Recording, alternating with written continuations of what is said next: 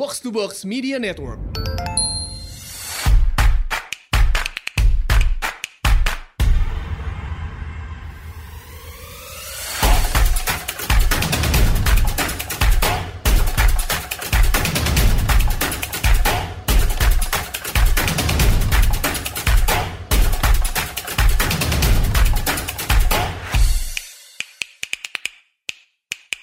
Selamat datang di Asumsi Bersuara. Kali ini kita akan bahas sebuah isu yang udah lama sebenarnya mulai rame gitu ya.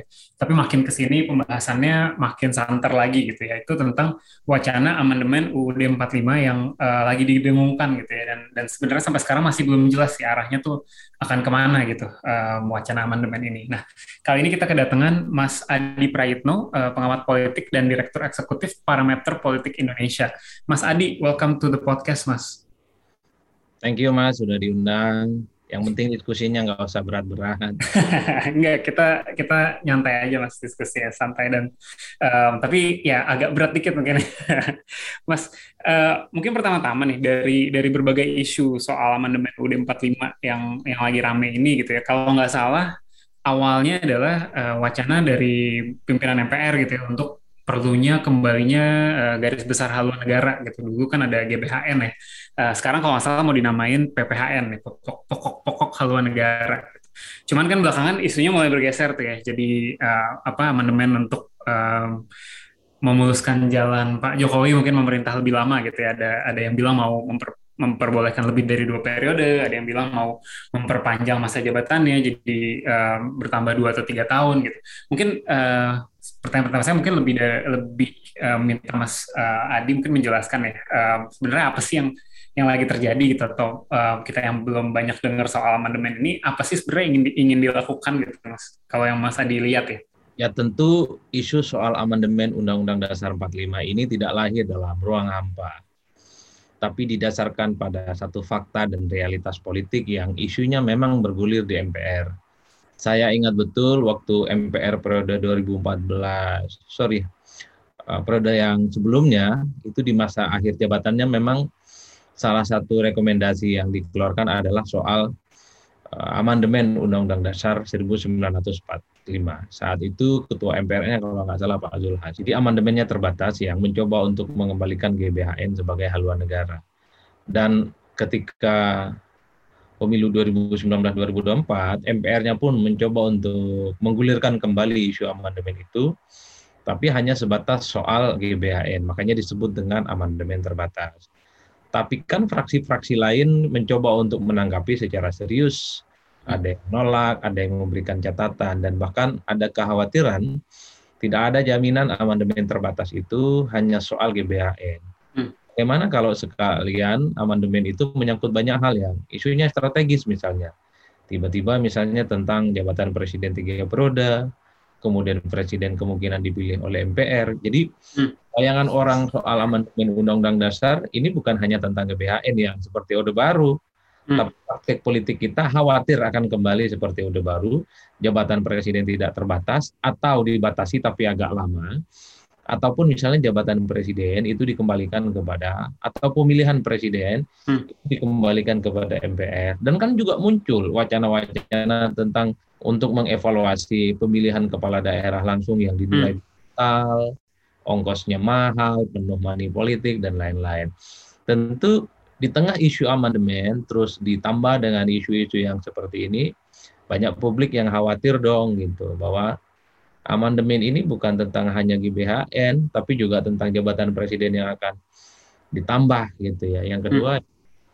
tentang kepala daerah yang bakal oh, dievaluasi, pemilihan langsungnya. Nah, yang mutakhir karena memang e, misalnya ada salah satu majalah bulan Juni lalu gitu Tempo sempat menulis bahwa e, akan ada kemungkinan upaya-upaya untuk tetap mempertahankan kekuasaan Jokowi dengan dua skenario, misalnya menambah masa jabatan presiden menjadi tiga periode ataupun memundurkan pemilu menjadi 2027 ya. yang hmm. mulai 2024. Itu artinya dua skenario yang memang saat ini sudah ada korespondensi dan rekam jejak digitalnya, Mas. Nah inilah yang kemudian belakangan ramai. Makanya terjadi pro kontra, kegaduhan, ada yang setuju, ada yang menolak. Nah, saya standing position saya itu tetap menolak ya baik amandemen hmm. atau hal-hal lain yang sifatnya diusulkan di dalam soal kembalinya GBHN presiden tiga periode ataupun menambah jabatan presiden dua atau tiga tahun. Saya di situ sih posisinya karena apa hmm. ini semuanya amat informasi, jadi nggak perlu lagi lah diutak atik. Saya kira kondisi politik kita sudah kondusif, aman, bahwa banyak catatan yang masih compang camping iya ya, tapi satu-satunya yang merekatkan kita saat ini hanyalah undang-undang, bukan yang lain lah, Mas. Ya, ya. Mas, uh, tapi sebenarnya yang saya, yang saya penasaran itu ya adalah kan uh, ya orang-orang yang di MPR kan ya mostly dari dari partai politik juga gitu ya. Um, mostly anggota dewan anggota DPR juga ditambah DPD, pimpinannya juga uh, kalau nggak salah yang sekarang pimpinannya juga dari Golkar gitu kan. Salah satu partai politik juga gitu sebenarnya siapa sih yang di, diuntungkan gitu kalau misalnya UUD ini diamandemen untuk memperpanjang masa jabatan presiden. Kalau nggak salah beberapa kali Pak Jokowi itu udah berulang kali menyampaikan gitu, saya tidak ingin amandemen, tidak tidak mau uh, memperpanjang masa jabatan. Tapi kalau kelihatannya kan kayaknya pendukung-pendukungnya nih yang yang ngebet nih atau bahkan mungkin partai-partai lain gitu yang ngebet. Tapi ini kan aneh sebenarnya di, di di pikiran saya harusnya partai politik apalagi bukan partainya Pak Jokowi gitu ya. Uh, harusnya ketika periode kedua ini kan kesempatan gitu untuk untuk nanti di di 2024 merebut merebut kekuasaan gitu kan merebut kursi presiden gitu. Kok malah pada bersemangat me, memperpanjang masa jabatan presiden yang mana bukan dari partainya sebenarnya gitu.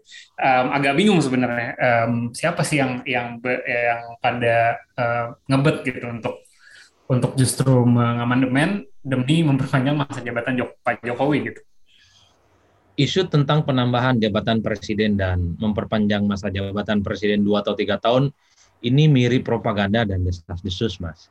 Hmm. Di kalau dilacak sebenarnya siapa yang mengusulkan, nyaris semua orang itu angkat tangan dan tidak ada yang bertanggung jawab hmm. bicara di parlemen. Dulu Arsul Sani sempat mengatakan bahwa ada yang memang mengusulkan jabatan presiden tiga periode, hmm. termasuk soal penambahan jabatan presiden dengan mengundurkan pemilu 2027, ketika ingin disebut siapa sumbernya, jawabannya lupa. Hmm. Itu kan repot sebenarnya siapa sih sebenarnya elit, politisi atau partai yang mencoba mengusulkan itu secara definitif.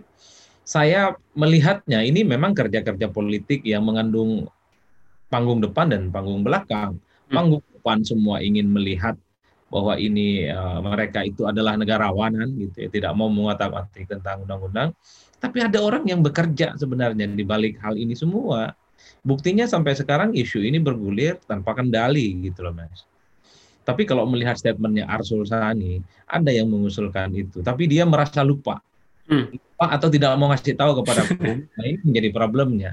Nah terlepas dari siapa pun yang menggulirkan, bagi saya selama partai politik tidak memiliki sikap yang resmi terkait amandemen, terkait jabatan presiden tiga periode, terkait dengan mundurnya pemilu ke 2027, maka selama itu juga publik kita yang melihat dari jauh akan melihat ini ada kepentingan antara partai politik yang memang saat ini sedang mengonsolidasi kekuatan politiknya untuk melanggengkan keinginan mereka amandemen jabatan presiden tiga periode dan menambah jabatan presiden. Kalau dilihat saat ini kan belum tegas secara resmi partai-partai ini. Baru hmm. kemarin Sekjen PDIP Hasto gitu mengatakan bahwa menolak jabatan presiden tiga periode dan penambahan jabatan presiden. Memang mengusulkan tentang amandemen undang-undang dasar, tapi hanya sebatas GBHN. Nah, partai-partai hmm. lain nggak ada yang ngomong. Ya hmm. PKS nolak, Demokrat nolak, itu automatically karena yeah. ada di luar kekuasaan. Tapi partai-partai di luar ini sejauh ini jenis kelamin politiknya belum kelihatan tentang isu amandemen. Kan ini yang kemudian menimbulkan spekulasi liar. Artinya apa? Kalau ini eh, semua politisi, semua elit, semua anggota dewan merasa keberatan dengan undang-undang, bikin dong pernyataan sikap secara resmi. Itu pernyataan partai, itu pernyataan fraksi, selesai. Case closed. Hmm. Kan begitu, Mas? Ya, ya. Problemnya partai-partai, fraksi di DPR itu nggak ngomong apa-apa yang ngomong itu person per person yang dinilai hanya pendapat pribadi. Ya. Beda ceritanya kalau sikap resmi fraksi atau partai. Ya. Hanya secara umum PKB menolak isu amandemen, hanya setuju dengan GBHN. Hmm. Kalau contoh di amandemen, P3 ya, juga ya. ngomong misalnya, Golkar juga ngomong, ya Gerindra juga, tapi yang lain-lain nggak ngomong. Nah, selama tidak ada ketegasan sikap ini, selama itu juga maka orang akan mencurigai agenda ya. amandemen Undang-Undang Dasar yakin tidak hanya soal GBHN. Karena nyaris tak ada satupun yang bisa menjamin, Mas. Hmm. Jadi kalau udah GBHN dirombak, pasti orang tidak pernah tahu tuyul apa yang bakal keluar ya. itu tiba-tiba ada tambah ada yang menyesip menyusup ya uh, pasal tertentu gitu. Ya. Sudah banyak kejadiannya, kasusnya hmm. juga sudah banyak. Ya, ya. Realnya bukan hanya GBHN gitu. Makhluk yang muncul dari kotak Pandora itu bukan hanya GBHN. Ya. Makanya tidak ada yang bisa menjamin. Di sinilah kemudian letak kekisruhan itu. Ya. Apalagi pada saat yang bersamaan banyak relawan dan pendukung Jokowi ini juga bersuara mendukung tiga periode. Joman ya kemarin ya kalau Joman itu menambah jabatan presiden tiga periode. Hmm. Jadi yang saya khawatirkan ada orang yang mencoba untuk dalam tanda kutip mengolah presiden hmm. supaya mau dimajukan kembali tiga periode ataupun dengan skenario yang kedua itu untuk memanjangkan jabatan presiden dua atau tiga tahun. Ya, ya. Ini sama-sama untung, mas. Kalau jabatan presiden itu dimundur, ditambah dua atau tiga tahun, maka secara otomatis DPR dari pusat sampai daerah juga ah betul ya, alasan pandemi alasan covid nggak punya uang gitu ya dan seterusnya dan seterusnya. Ini, Walaupun masih tiga tahun lagi gitu ya, uh, tapi orang udah oh COVID seakan-akan belum belum pasti belum berakhir gitu. Uh, mas, um, kalau saya ngelihatnya sebenarnya ini kelihatannya sih dari kemarin kan lebih banyak kayak testing the water gitu ya, di dilempar aja wacananya pengen lihat gitu. Sebenarnya reaksi reaksi masyarakat kayak gimana gitu? Mendukung menolak atau ya bodoh amat nggak ngaruh kali ke kehidupan kita gitu. Kita lagi susah pandemi gitu. Mungkin nggak nggak mikirin lah uh, bodoh amat gitu. Presiden mau mau uh, tiga periode kayak atau apa mungkin banyak yang nggak peduli gitu. Kali ya mungkin lebih kayak testing water gitu. Tapi kalau mas Adi, mas ngelihatnya um, atau apakah apakah udah ada semacam riset kali ya? Um, masyarakat tuh gimana sih pandangannya terhadap ini gitu? Uh, bodoh amat atau tegas menolak atau ya dukung-dukung aja gitu kalau suka Pak Jokowi. Kalau Mas Rais itu ngikutin survei saya kemarin rilis terbuka pada bulan Juni hmm. belum COVID begitu pandemik itu akhir Juni sampai Juli ya. Sayangnya betul pada bulan Juni saya rilis secara terbuka. Salah satu isunya memang soal jabatan presiden tiga periode dan amandemen.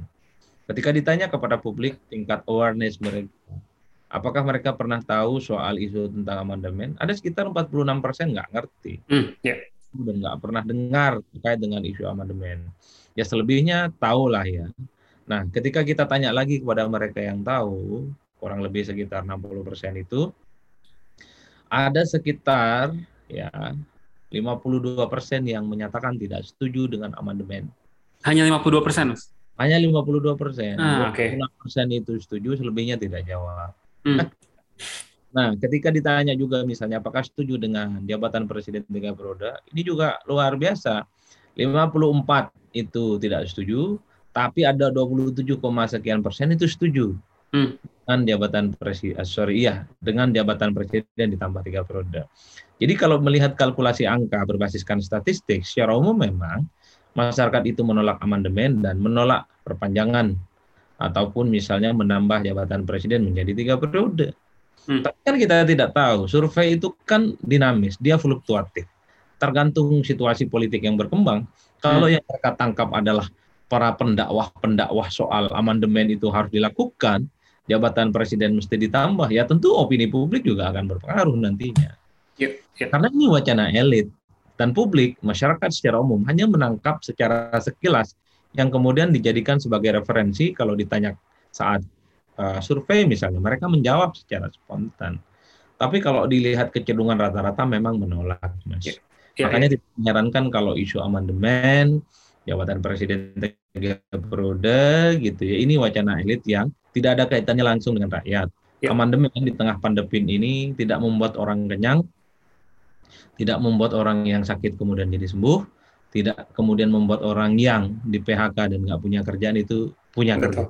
Ya, ya, ya. Tidak ada relevansinya ya. bahwa next time ketika pandemi misalnya sudah tiada, mungkin isu tentang amandemen boleh.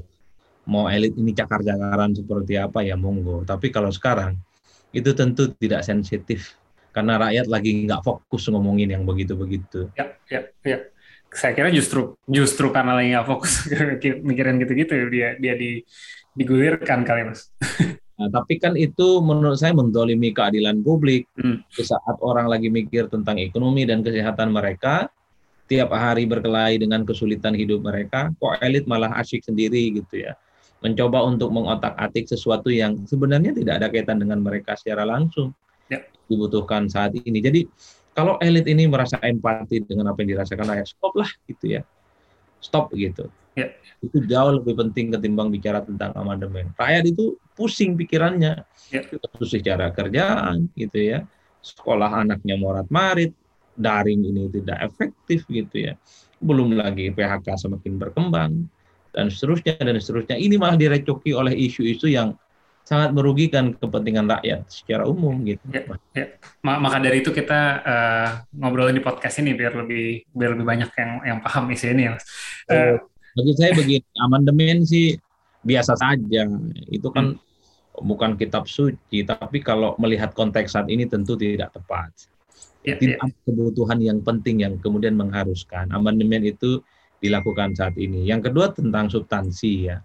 Secara substansi memang ini justru setback dan mereduksi demokrasi kita yang sudah berkembang dengan maju. Ya, ya. ini mengembalikan demokrasi kita ini pada zaman jahiliyah, latar ya. belakang gitu ya. ya. Mas, uh, kalau tadi kayaknya uh, Mas Adi sempat sebut ada beberapa partai PDIP, PKB kalau nggak salah ya, yang stance-nya adalah uh, nggak apa-apa amandemen tapi terbatas pada uh, PPHN gitu ya, haluan negara. Ini kan kalau nggak salah idenya supaya uh, negara tuh bisa jalan ke arah yang sama gitu terlepas siapa yang menjadi presiden siapa yang menjadi pemerintah gitu kan. Um, tapi kan ini sebenarnya problematik juga kalau nggak salah ya. Maksudnya ada yang uh, ada kekhawatiran lah. Ini kan akan menempatkan MPR menjadi di posisi yang lebih tinggi gitu kan. Uh, karena mereka kalau melihat presiden tidak sesuai dengan haluan negara, dia mungkin bisa mencabut mandatnya atau apa. Uh, pandangan saya ini benar nggak mas? Mungkin uh, Mas Adi boleh boleh uh, klarifikasi ya, uh, boleh jelaskan gitu. Sebenarnya apa sih maksudnya PPHN ini dan dan kalau menurut Mas Adi gimana gitu? Kalau misalnya benar uh, amandemennya hanya sebatas PPHN itu gitu. Ini sudah masuk substansi soal isu amandemen tentang hmm. semangat GBHN dikembalikan kembali atau PPHN saya ingat saya yang masih setuju amandemen terbatas itu PDIP dan Gerindra. Oh Gerindra, oke. Okay. Yang lain belum menyatakan sikap. Hmm. Kalau PKB itu kan cuma samar-samar. Ada hmm. salah bilang membandingkan jangan dengan zaman SB yang tidak pernah mengotak-atik undang-undang misalnya. Jadi hmm. Ya. samar-samar nggak jelas sikap politiknya gitu ya. Ya mungkin karena partai koalisi di pemerintahan saat ini, hmm. jadi nggak enak hati memperjingkan temannya sendiri gitu loh, Pak. yeah. Jadi kalau melihat ini uh, mungkin karena didasarkan pada arah kebijakan pembangunan kita ini sering kali berubah setiap ganti rezim. Ya, ganti presiden kok arah visi dan pembangunan jangka panjang Indonesia itu ya kok suka-suka presiden gitu, tapi tidak ditentukan oleh satu haluan negara seperti Orde Baru, ya kan? Ya. Nah, tapi pengusul ini lupa gitu loh, Mas. Kenapa GBHN dilakukan di Orde Baru? Karena presidennya nggak pernah mau ganti. Jadi enak, sustain, berkelanjutan terus. Setelah lima tahun jadi presiden, dia lanjut lagi, lima tahun lagi. Setelah 10 tahun lanjut lagi, 15 tahun. Jadi enak. Apa yang diomongkan atau direncanakan di tahun pertama bisa dilanjutkan pada tahun-tahun selanjutnya. Di kita nggak begitu. Jabatan presiden itu hanya dijabat maksimal 10 tahun. Jadi wajar kalau kemudian terjadi dinamika apa dinamikanya bahwa setiap presiden itu punya visi misi yang berbeda yang penting untuk kebaikan rakyat jadi nggak perlu dikasih semacam cetak biru yang kemudian seorang presiden itu harus menjalankan satu kebijakan pembangunan hmm. nasional yang kemudian ditentukan oleh MPR. Ingat, presiden itu nggak dipilih oleh MPR. Hmm. Nah, iya, MPR mau ngatur-ngatur presiden gitu ya. Presiden ini tanggung jawab langsungnya kepada rakyat apa? Saat kampanye. Jadi semua janji politik, visi misi, baik yang diomongkan ataupun yang tertulis, itulah sebenarnya GBHN yang sesungguhnya. Dan itulah yang harus dipertanggungkan. Dipertanggungjawabkan oleh seorang presiden dan wakilnya kepada rakyat. Jadi apa urusannya MPR itu ngatur-ngatur presiden terpilih yang secara langsung gitu loh mas. Ya, ya, ya. Apa urusannya? Nah di situ saja sudah bermasalah bagi saya. Ya. Artinya apa? Dulu ketika GBHN itu karena negara kita nggak demokratis mas mandatnya hanya diberikan oleh MPR saat ini ketika presiden dipilih langsung oleh rakyat tentu MPR nggak boleh memberikan mandat apa pun kepada presiden. Hmm. Mandat langsung presiden itu adalah rakyat. Di situlah kemudian penolakan terjadi di mana-mana. Yang kedua misalnya soal sering kali kebijakan-kebijakan daerah ataupun kepala daerah itu tidak sinkron dengan kepentingan pusat. Ya. Saya kira enggak juga. Saya kira enggak juga lah ya. Karena apa? Saat ini memang eranya era otonomi daerah, Mas itu sesuai dengan amandemen yang kedua undang-undang kita, di mana setiap kepala daerah itu punya otonomisasi, punya kewenangan untuk mengatur, menginisiasi, mengembangkan daerahnya masing-masing. Yang penting tidak bertentangan dengan NKRI dan Pancasila itu saja kok. Jadi di tengah fragmentasi politik yang tersebar di banyak partai, saya kira GBHN ini justru akan mereduksi dan ingin mengembalikan zaman kita itu seperti Orde Baru, diatur oleh MPR, pusat sama daerah harus sama, partai itu jangan banyak gaya, jangan yeah. banyak spekulasi gitu. Saya kira itu suatu hal yang nggak mungkin. Sekarang partai begitu banyak dan mereka punya style politik masing-masing. Bagi saya, apa pun style dan gaya masing-masing partai yang berkuasa itu, yang penting adalah mensejahterakan dan memajukan rakyat. Itu saja kok. Makanya saya tetap kukuh bahwa saat ini kondisi bangsa tidak membutuhkan amandemen apalagi ingin mengembalikan GBHN. Demokrasi kita sudah maju, liberal, ya. terbuka, dan mandat langsung yang didapatkan oleh para penguasa itu dari rakyat, bukan dari MPR, bukan dari DPR gitu ya, bukan dari DPD, tapi dia harus head to head secara langsung dengan rakyat soal apa yang mesti dilakukan. Bagi saya sih begitu. Ya, ya. Mas, uh, ini satu hal yang yang saya lihat bisa bisa menjadi konsekuensi yang lumayan mengkhawatirkan kalau misalnya terjadi perpanjangan um, masa jabatan presiden dan DPR gitu ke ke 2027 katanya kan waktu itu ada wacana uh, pemilu bisa jadi baru diadakan di 2027. Kalau nggak salah di di UU Pilkada tuh ada uh, tentang pilkada berikutnya akan dilaksanakan serentak dengan pemilu gitu ya dan um, dan bareng-bareng gitu di 2024 gitu. Tapi kalau ini diperpanjangkan 2027 kan bisa jadi dia jadi ikut mundur juga ke 2027. Sementara uh, banyak kepala daerah tuh udah habis masa jabatannya tahun depan sampai 2024 tuh banyak yang udah habis kan kayak misalnya uh, Gubernur DKI Anies Baswedan tuh udah habis tahun depan kalau nggak salah. Uh, dan ini semua akan digantikan oleh uh, PLT gitu. Uh, PLT dari Kemendagri biasanya. Berarti bisa jadi selama beberapa tahun ke depan itu seluruh Pemda akan dikontrol langsung sama pemerintah pusat gitu ya. Mas Adi melihatnya gimana nih tentang kemungkinan ini terjadi gitu? Ya sejak tahun depan 2022 2023 ada ratusan kepala daerah yang akan dijabat oleh PLT, ditunjuk langsung oleh pemerintah. Ya, cuman mereka ini kalau melihat undang-undang memang akan berakhir pada 2024. Hmm, ya. di November akan dilaksanakan uh, pilkada secara serentak. Ada juga yang mengusulkan pilkada jangan 2024, terlampau berat karena berbarengan dengan pemilu di bulan April. Ya. Nah, yang kemudian bagi saya ini juga ngeles gitu loh ya ada yang mengusulkan yang sebenarnya ingin dimundurkan itu pilkadanya ke 2027. Lah. Dan pileknya ini kan akal-akalan saja. Iya. jangan banyak uh, aturan, jangan banyak gaya. Cukuplah pemilu dan pilkada barengan aja di 2024. Udah itu paling sah kok. Kalau alasannya pandemi 2020 kenapa pilkada dilangsungkan? Itu pandemi ya, juga. Betul.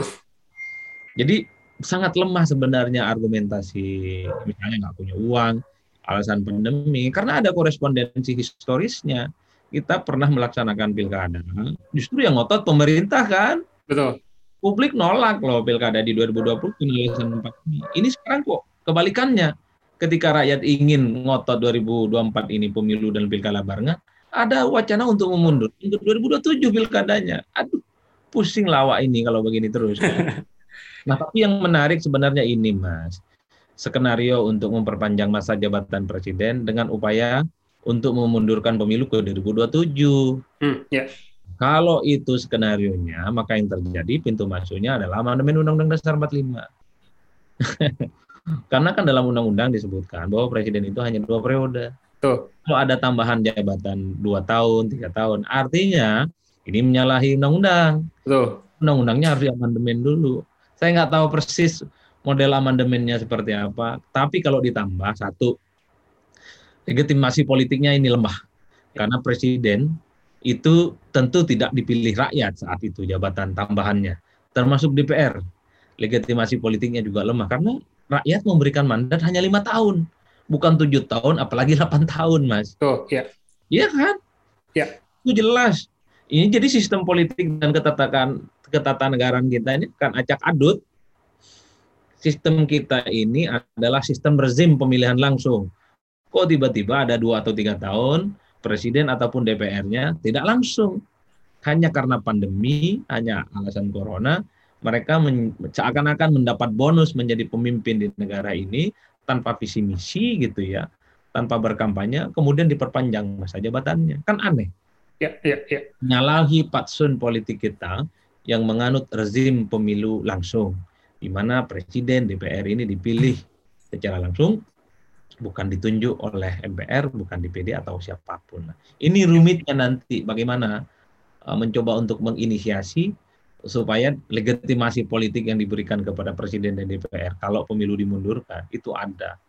Tapi yang jelas kalau itu terjadi rakyat tidak memberikan mandat kepada mereka kecuali dilakukan referendum mas. Betul. Tapi kayaknya itu Betul. masih tidak akan terjadi lah kalau ya, ya, kalau dilakukan referendum setuju nggak kalau pemilu dimundurin?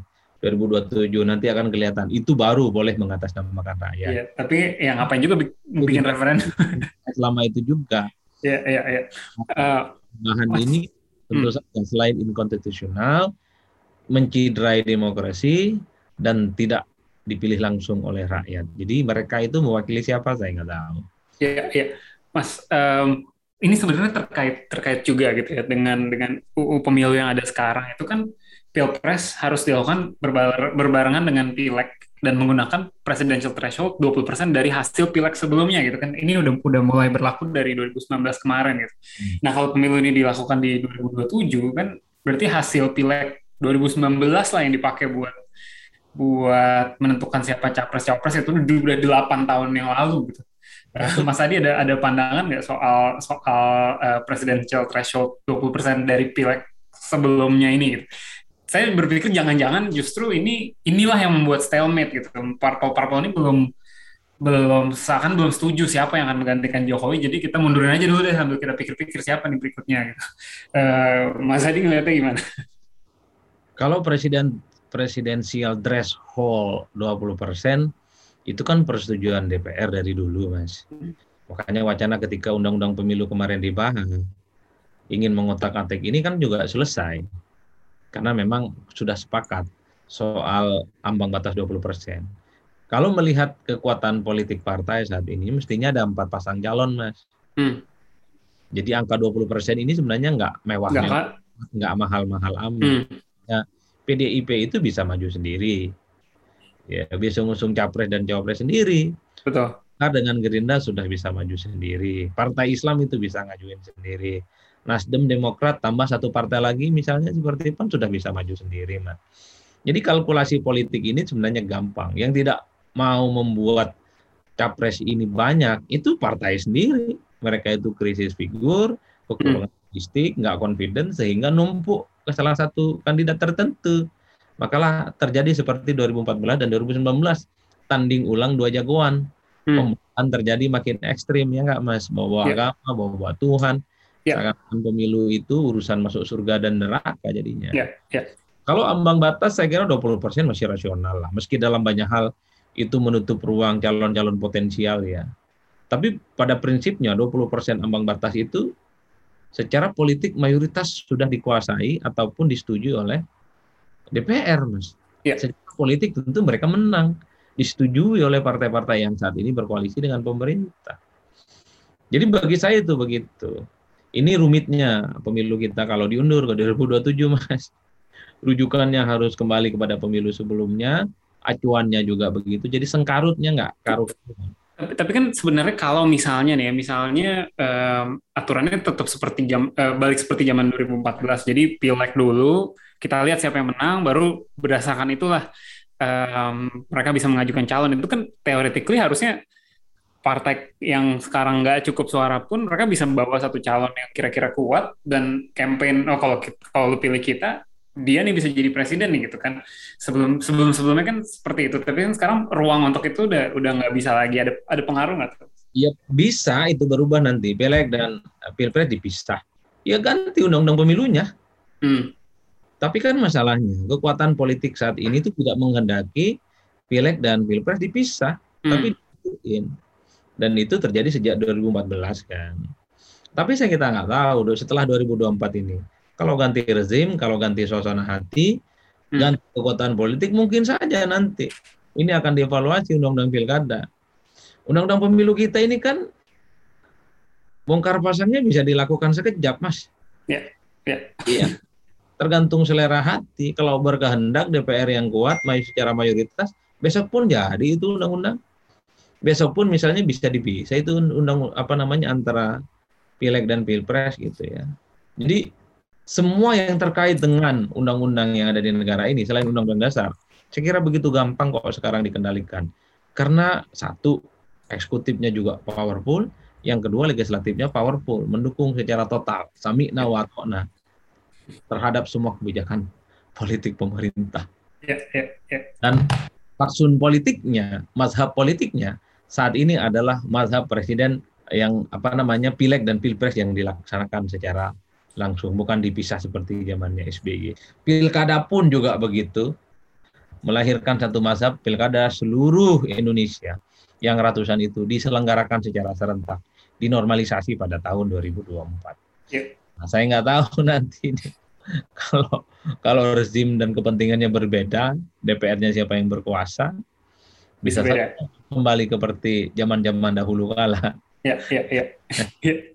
uh, bos. Ya, ya, Mas, Mas, uh, ini terkait isu terakhir nih tentang gabungnya kemarin ada isu gabungnya PAN ke koalisi pemerintah. Ini sebenarnya udah santer dari agak lama, tapi kemarin kayaknya lumayan ramai lagi. Gitu.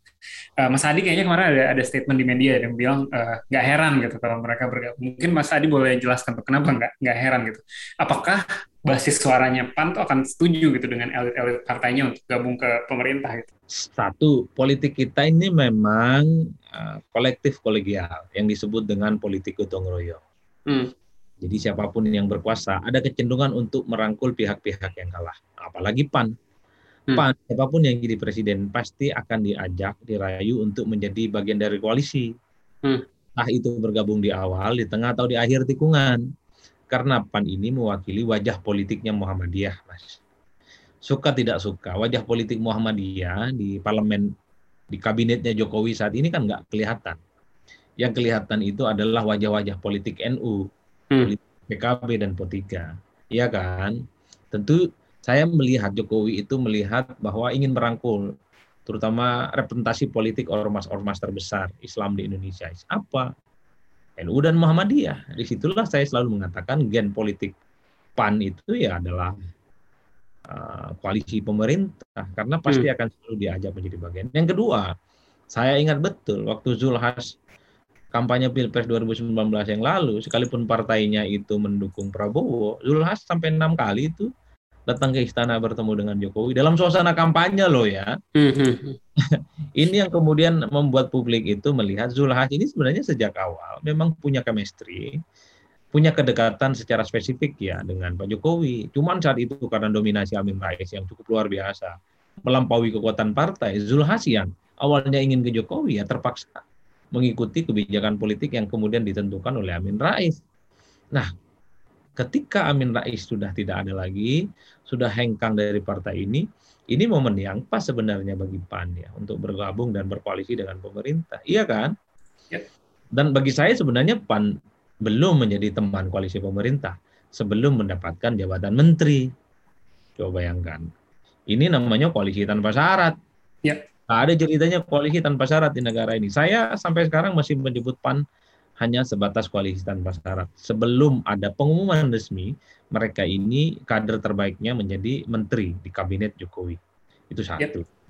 Yang kedua, selain hal-hal itu, tentu sepertinya ada kepentingan politik yang terlihat nyata bahwa Jokowi ini sepertinya belakangan secara psikologi politik sudah mulai menghitung soal ancaman kutukan periode kedua ya atau bayang-bayang kutukan periode kedua ada kecenderungan presiden yang berkuasa di periode keduanya itu uh, potensial ada rongrongan dari dalam, muncul oposisi dari dalam. muncul kritis dari dalam atau kritik-kritik yang muncul dari partai-partai pendukung pemerintah. Di zaman SBY, di periode keduanya, yang kritis kan Golkar sama PKS. Lawan semua kebijakan-kebijakan politik Jokowi, terutama yang dianggap bertentangan dengan rakyat seperti kenaikan BBM, PDL, listrik, dan lain-lain. Nah Jokowi sudah mengalami itu ketika kebijakan coronanya itu diprotes justru oleh partainya sendiri. PDIP elitnya tiga orang silih berganti mengkritik terkait dengan penanganan COVID. Kalaupun hmm. ingin mengkritik Jokowi kan nggak perlu pengumuman di media, mas. Tinggal dipanggil, tinggal dibisikin. Karena apa pun judulnya, Jokowi ini adalah kader terbaik PDIP saat ini. Kan begitu. Di tengah bayang-bayang ancaman periode kedua itu, akan muncul disharmonisasi atau munculnya oposisi dari dalam, PAN sebenarnya diharapkan menjadi partai yang memiliki loyalitas dan totalitas minimal seperti Golkar lah gitu ya. Sekali mm -hmm. partainya Jokowi, tapi tidak pernah melawan, tidak pernah protes gitu, tidak pernah resisten terkait dengan kebijakan politik Jokowi apa pun, iya kan? Yep.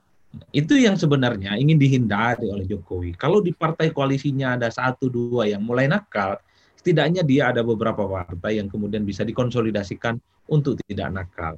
Jokowi tentu juga merasa tidak nyaman secara psikologi politis. Kalau untuk Prabowo selalu memuji dan menyanjung Jokowi, tapi kan publik tidak bisa menutup mata. Hampir ya. setiap saat Fadlizon kritik dan nyinyir kok gitu. Ya. Ini yang saya kira bahwa ada kebutuhan secara psikologi politik Jokowi butuh nyaman gitu. Partner ya. baru yang kemudian tidak terlampau banyak Ya. Oh, nah, yang ketiga nih Mas. Hmm. Oh ya, sorry. lanjut Mas. Ya. Ini pamungkasnya lah bagi saya dan mungkin ini yang terakhir diskusi kita Jokowi sepertinya ingin mengonsolidasi semua kekuatan politik partainya di kabinetnya saat ini. Kan yang sudah jadi menteri, ketua umum partai, dan sekjen partai. Ketua umum partai itu ada tiga, Golkar, Gerindra, dan P3. Ya. Sekjennya itu Nasdem. Nah, kalau nanti yang jadi menterinya Jokowi itu ketum atau sekjennya PAN, ada sekitar lima ketua dan sekjen partai yang disatukan dalam satu perahu koalisi. Itu artinya apa? Jokowi di 2024 ini akan menjadi kingmaker yang sangat diperhitungkan. Jokowi hmm. ingin tunjukkan kepada publik bahwa siapa pun yang maju jadi presiden adalah all Jokowi's man. Kira-kira. Hmm. Ya, ya, ya. ya. Um, jadi kalau kalau saya nangkep tadi uh, yang Mas Adi sampaikan adalah walaupun koalisinya udah besar dan sangat gemuk gitu ya, mungkin udah berapa 80 persen kali dari dari seluruh kursi di DPR, tapi um, pengen tetap pengen memastikan bahwa kalau ada satu dua yang uh, nakal istilahnya ya masih ada backup lah gitu ya. Sehingga semua semua semua rencana bisa bisa go gitu. Nah mungkin terakhir dari saya mas. Um, kalau kalau begitu um, apa nih untuk PKS dan Demokrat gitu? Mereka yang tersisa dua itu gitu ya. PKS dan Demokrat tersisa di luar di luar pemerintah gitu. Um, apa yang mereka perlu lakukan gitu sebagai oposisi uh, terutama juga untuk um, masa kan biasanya harusnya uh, oposisi itu um, ini ya apa um, bisa memanfaatkan uh, momentum menjadi oposisi untuk di pemilu berikutnya gitu kan. Um, mereka menurut Mas uh, Adi udah udah cukup melakukan apa yang seharusnya mereka lakukan nggak untuk untuk bisa bisa do better gitu di pemilu berikutnya wajah oposisi kita ini kan serba tanggung tidak galak dan sangat terlampau ramah hmm. untuk menjadi oposisi. Makanya kalau mau jujur, oposisi ini bukan hanya kalah dari segi jumlah, tapi substansi dan kualitas perdebatan pun juga sering kali terlihat lemah substansi ya. Makanya ke depan sebenarnya setelah hanya ditinggalkan uh, oposisi ini pada PKS dan Demokrat, mereka ini harus menaikkan kualitas pamor mereka sebagai oposisi ya nggak boleh lunak, nggak telam, nggak boleh lagi sopan santun gitu. Kritik aja galak-galak karena wajah oposisi pada wajah sangar, wajah kritis. Jangan lagi ada statement seperti PKS dan Demokrat itu kalau ada kebijakan politik pemerintah yang bagus kita dukung. Nggak ada cerita. Mana ada oposisi begitu? Pokoknya segala sesuatu dari presiden, pemerintah lawan aja terus. Itu namanya oposisi, mas. Dan mesti ya. galak gitu ya. Nggak boleh adem ayam kemayu gitu, nggak seakan-akan mereka ini bukan oposisi.